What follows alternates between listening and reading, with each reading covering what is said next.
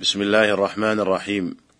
إن الحمد لله نحمده ونستعينه ونستغفره ونعوذ بالله من شرور أنفسنا ومن سيئات أعمالنا.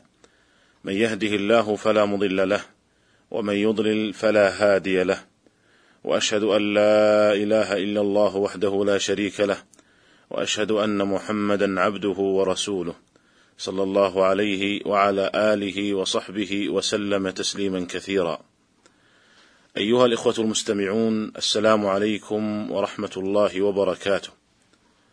لا يزال الحديث موصولا عن أحكام الإتلافات، ونتحدث معكم في هذه الحلقة عن أحكام إتلافات البهائم، ما الذي يضمن منها وما الذي لا يضمن، وماذا عن حوادث الطرق التي تقع بسبب اعتراض البهائم السائبة. فنقول: جاء في الصحيحين عن أبي هريرة رضي الله عنه أن النبي صلى الله عليه وسلم قال العجماء جرحها جبار. وفي رواية عند البخاري العجماء عقلها جبار. والعجماء هي البهيمة وقوله عقلها اي ديتها وقوله جبار أي هدر لا شيء فيه. قال الترمذي فسر بعض أهل العلم هذا الحديث فقالوا العجماء الدابة المنفلتة من صاحبها فما أصابت من انفلاتها فلا غرم على صاحبها. قال شيخ الإسلام ابن تيمية رحمه الله كل بهيمة عجماء كالبقر والشاة وغيرها فجناية البهائم غير مضمونة إذا فعلت بنفسها كما لو انفلتت ممن هي بيده وأفسدت فلا ضمان على أحد.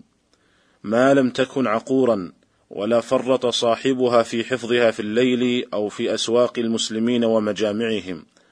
وكذا قال غير واحد إنه إنما يكون جبارا إذا كانت منفلتة ذاهبة على وجهها ليس لها قائد ولا سائق إلا الضارية. انتهى كلامه رحمه الله.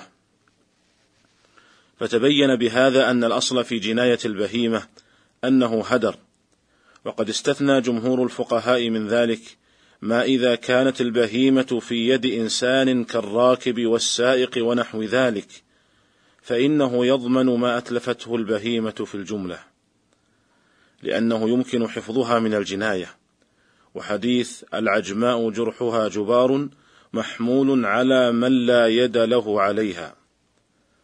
وقد دلت السنة على أن ما أفسدته المواشي بالنهار فإنه غير مضمون، وما أفسدته بالليل فإنه مضمون على أهل تلك المواشي. ففي حديث حرام بن سعد بن محيصة أن ناقة للبراء بن عازب دخلت حائط قوم أي بستانا فأفسدت فيه، فقضى النبي صلى الله عليه وسلم أن على أهل الحوائط أي أهل البساتين عليهم حفظها بالنهار وأن ما أفسدت المواشي بالليل ضامن على أهلها.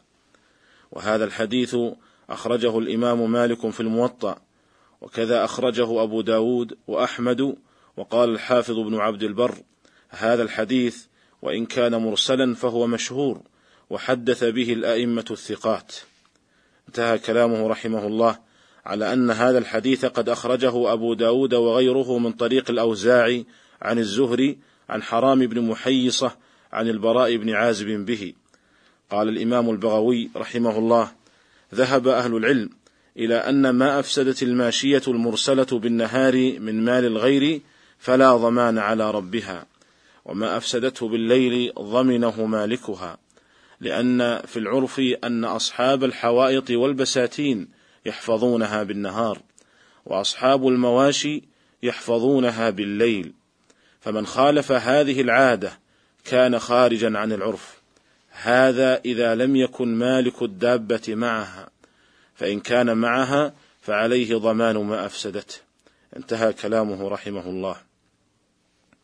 أيها الإخوة المستمعون وقد ذكر الله تعالى قصة داود وسليمان عليهما الصلاة والسلام. وحكمهما في ذلك. فقال جل وعلا وداود وسليمان إذ يحكمان في الحرث إذ نفشت فيه غنم القوم وكنا لحكمهم شاهدين. ففهمناها سليمان وكلا آتينا حكما وعلما. والنفش معناه الرعي ليلا.